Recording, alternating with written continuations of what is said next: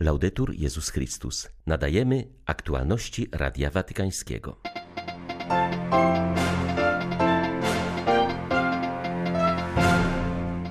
Papież pożegnał się dziś ze Słowacją po czterech dniach intensywnej podróży apostolskiej. Na zakończenie odprawił mszę w Narodowym Sanktuarium Matki Bożej Bolesnej w Szasztinie. Nie można sprowadzać wiary do cukru osładzającego życie. Jezus jest znakiem sprzeciwu. Przyszedł, aby zmusić ciemność do poddania się, powiedział Franciszek podczas ostatniej homilii wygłoszonej na Słowacji. Słowacka młodzież jest zachwycona Franciszkiem. Zrobili wszystko, by jak najlepiej wykorzystać tę wizytę. Uważa ksiądz Juraj Jurica, wieloletni duszpasterz akademicki. 15 września witają Państwa ksiądz Krzysztof Ołdakowski i Krzysztof Bronk. Zapraszamy na serwis informacyjny. Franciszek pożegnał się ze Słowacją po czterech dniach intensywnej podróży apostolskiej. Ostatnim akcentem papieskiej pielgrzymki była msza sprawowana w Narodowym Sanktuarium Słowaków w Szasztinie w święto patronki tego miejsca, Matki Bożej Bolesnej. Tuż po godzinie dziewiątej wraz ze słowackimi biskupami zatrzymał się na chwilę prywatnej modlitwy w bazylice, w której znajduje się figura patronki kraju. Podczas homilii wygłoszonej w Sanktuarium Narodowym w Szasztinie papież zwrócił uwagę, że Maryja pozostaje dla chrześcijan wzorem wiary. Jej wiarę charakteryzują trzy cechy: wyruszenie w drogę, proroctwo oraz współczucie. Zauważył, że Maryja wolała niepewność podróży od wygody bezpiecznego miejsca. Całe jej życie było wędrowaniem za synem, aż po Kalwarię do stóp krzyża. Maryja Dziewica jest wzorem wiary narodu słowackiego, wiary, która wyrusza w drogę, ożywiana prostą i szczerą pobożnością, pielgrzymująca w poszukiwaniu Pana. Idąc przezwyciężacie pokusę wiary statycznej, zadowalającej się obrzędem lub dawną tradycją. Proszę, bądźcie zawsze w drodze, zawsze, nie zatrzymujcie się. Ojciec Święty zaznaczył, że wiara Maryi jest wiarą proroczą. Jako niepokalana dziewica stała się ikoną naszego powołania, bo tak jak ona jesteśmy powołani, aby stać się świętymi i niepokalanymi w miłości na wzór Chrystusa. Słowacja również potrzebuje dziś tych proroków. Nie chodzi o bycie wrogimi wobec świata, ale o bycie znakami sprzeciwu w świecie, chrześcijanami, którzy potrafią swoim życiem ukazać piękno Ewangelii, ludźmi, którzy krzewią dialog tam, gdzie stanowiska stają się nieprzejednane, którzy sprawiają, że życie braterskie jaśnieje tam, gdzie społeczeństwo jest często podzielone i wrogie, gdzie często dominują egoizmy osobiste, egoizmy zbiorowe, którzy chronią i zachowują życie tam, gdzie panuje logika śmierci.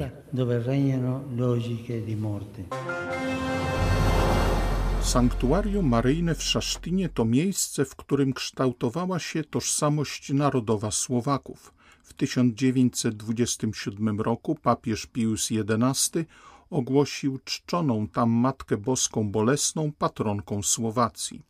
W czasach komunizmu Szasztin stał się miejscem, w którym Słowacy zachowali swoją wiarę pośród prześladowań i przygotowywali się, by w pokojowy sposób stawić czoło reżimowi. Jak wspomina ksiądz Józef Bartkowiak, przez całe lata 80. organizowane były potajemne pielgrzymki młodzieży do Szasztina. W ten sposób wychowane zostało całe pokolenie młodych Słowaków, które potem było w stanie zainicjować aksamitną rewolucję, mówi ksiądz Bartkowiak. Tu w Szasztinie udało się pokonać oparty na przemocy totalitarny reżim mocą Ewangelii i modlitwy. To sanktuarium wyrabiało w ludziach odwagę. Samo przybycie do Szasztina było już aktem odwagi, bo agenci tajnej policji robili zdjęcia i uczestnicy pielgrzymek byli potem wzywani przez milicję na przesłuchanie. Każdy, kto tu przyjeżdżał, wiedział, że podejmuje pewne ryzyko, że może zostać wyrzucony ze szkoły czy z pracy. Było w tym więc dużo odwagi, ale i modlitwy. Młodzi spędzali noc na modlitwie pod gołym niebem, na polach. Było to dla nich silne doświadczenie egzystencjalne, głęboka inicjacja w wiarę. Powołania, które zrodziły się wówczas w Szasztinie, są bardzo silne, pełne entuzjazmu. Pokazały to kolejne lata, kiedy nastąpił wzrost powołań na Słowacji.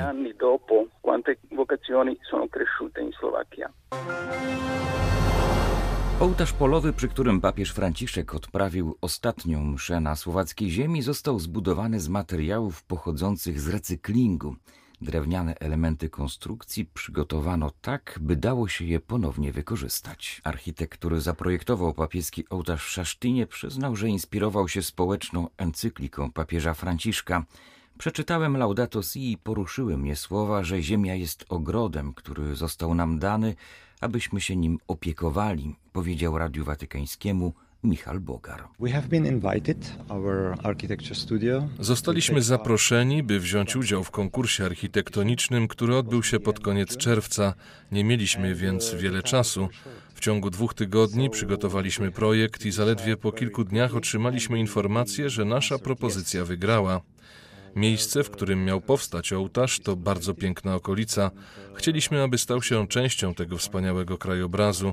Chcieliśmy także, aby ołtarz skierowany był w stronę wież bazyliki, ponieważ jest to historyczne miejsce, do którego ludzie przybywają, by modlić się przed figurą słowackiej piety.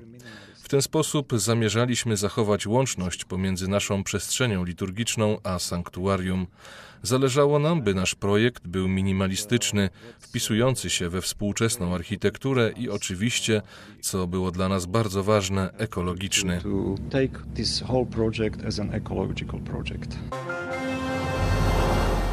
Na Słowacji papież Franciszek zaskarbił sobie sympatię w różnych warstwach społeczeństwa, uważa ksiądz Marian Gawenda, pisarz i dziennikarz, w przeszłości rzecznik słowackiego episkopatu.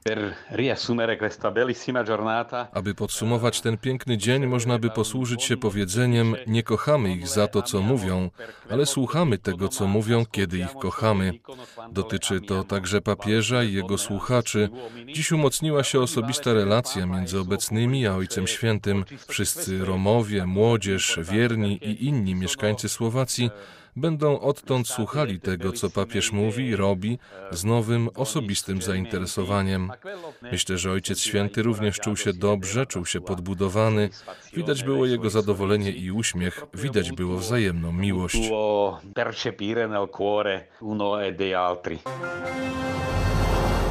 Po południu papież powrócił do Rzymu. Swoimi wrażeniami podzielił się z dziennikarzami na pokładzie samolotu. Nie unikał także trudniejszych kwestii. Odpowiedział m.in. na pytania dotyczące Komunii Świętej dla polityków wspierających aborcję oraz o małżeństwa homoseksualne.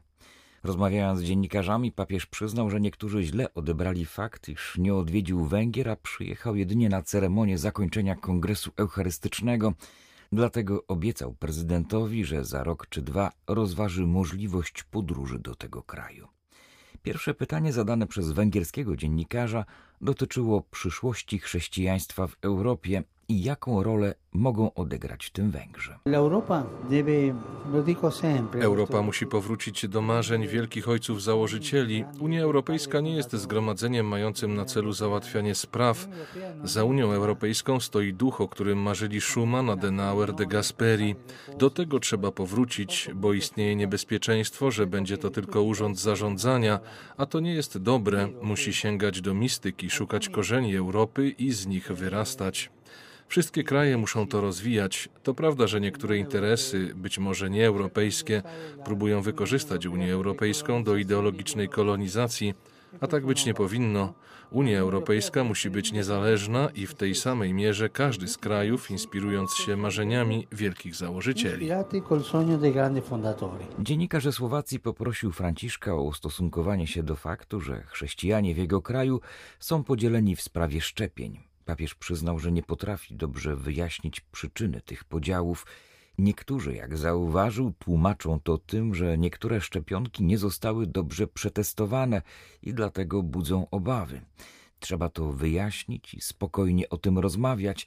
W Watykanie niemal wszyscy zostali zaszczepieni, dodał papież. W kolejnym pytaniu przedstawiciel hiszpańskiej prasy zapytał Franciszka o spotkanie z węgierskim premierem Viktorem Orbanem. To mi złożono wizytę. Przyszedł do mnie prezydent, był tak uprzejmy, już trzeci raz się z nim spotkałem, przyszedł z premierem i wiceministrem, ale mówił prezydent. Pierwszym tematem rozmowy była ekologia. Podziwiam was, Węgrów, za waszą świadomość ekologiczną. Prezydent wyjaśnił mi, jak oczyszczają rzeki. Są to rzeczy, o których nie wiedziałem, to był główny temat. Następnie zapytałem o średnią wieku, ponieważ martwi mnie zima demograficzna. We Włoszech średnia wynosi 47 lat, Hiszpania, jak sądzę, jest jeszcze gorsza. Wiele wiosek jest pustych lub z garstką starszych ludzi, budzi to poważną troskę. Jak można to rozwiązać? Prezydent wyjaśnił mi, jakie prawo mają, aby pomóc młodym parom w zawieraniu małżeństw i posiadaniu dzieci. W tej sprawie dodali coś premier i wiceminister, na czym polega to prawo. O migracji nie rozmawialiśmy, o rodzinie rozmawialiśmy w tym sensie. Widać, że jest tam dużo młodych ludzi, tak dużo dzieci, również na Słowacji. Byłem zaskoczony. Tak dużo dzieci, tak wiele młodych małżeństw. To dobrze wróży na przyszłość. Teraz wyzwaniem jest znalezienie pracy, aby nie wyjeżdżali. Nie zabrakło także pytania o sytuację w Stanach Zjednoczonych, gdzie toczy się dyskusja, czy można udzielać komunii świętej politykom, którzy otwarcie opowiadają się za aborcją, na pytanie, co radzi amerykańskim biskupom, Franciszek odpowiedział. Pamiętajcie, że komunia nie jest nagrodą dla doskonałych, jest darem, obecnością Jezusa we wspólnocie Kościoła. Ci, którzy są poza wspólnotą, nie mogą do niej przystępować. Jednak nie do pasterzy należy potępianie. Problem jest pastoralny, nie teologiczny. Należy być duszpasterzem także dla tych, którzy nie mogą przyjąć komunii. Trzeba posługiwać się stylem Boga, bliskością, współczuciem i czułością. Każdy proboszcz wie, co ma robić. Jeśli wyjdziesz poza duszpasterstwo Kościoła, stajesz się politykiem. Ludzie, którzy popierają aborcję, też są dziećmi bożymi, potrzebującymi naszej bliskości duszpasterskiej, a Duch Święty wskazuje księżom, jak rozwiązać konkretne sytuacje. Co do aborcji, to jest ona morderstwem. Nie mam co do tego wątpliwości. Medycyna mówi, że już w trzecim tygodniu ciąży dziecko jest wyposażone we wszystkie organy. Z naukowego punktu widzenia to życie ludzkie, które musi być szanowane. Włoski dziennikarz przekazał papieżowi podziękowania od żydowskiej pisarki Edith Bryk, którą Franciszek niedawno odwiedził w jej rzymskim mieszkaniu. Pisarka wyraziła wdzięczność za wszystkie gesty, które Ojciec Święty wykonał przeciwko antysemityzmowi podczas swojej podróży. Papież zauważył, że antysemityzm się odradza, a nawet staje się modny. To okropna rzecz, przyznał Franciszek. Kolejne pytanie dotyczyło uznania przez Kościół małżeństw homoseksualnych. Małżeństwo jest sakramentem. Kościół nie ma władzy, by zmieniać sakramenty. Są one w takiej formie, w jakiej ustanowił je Chrystus, odpowiedział papież. E, Małżeństwo to sakrament. Istnieją prawa, które próbują pomóc osobom o odmiennej orientacji seksualnej. To ważne, że państwa mają możliwość wspierać takie osoby, dawać im bezpieczeństwo dziedziczenia, opieki zdrowotnej itd. Tak Dotyczy to nie tylko homoseksualistów, ale wszystkich ludzi, którzy chcą wejść w związek. Jednak małżeństwo to małżeństwo. Nie oznacza to potępienia osób homoseksualnych. To nasi bracia i siostry, chcemy im towarzyszyć. Ale małżeństwo to sakrament, który zawierają kobieta i mężczyzna. Wiele osób o orientacji homoseksualnej przystępuje do sakramentu pokuty, prosi księdza o radę. Kościół im pomaga, ale sakrament małżeństwa to co innego. Pan jest dobry, chce zbawić wszystkich, ale proszę nie zmuszać Kościoła do zaprzeczania swojej prawdzie.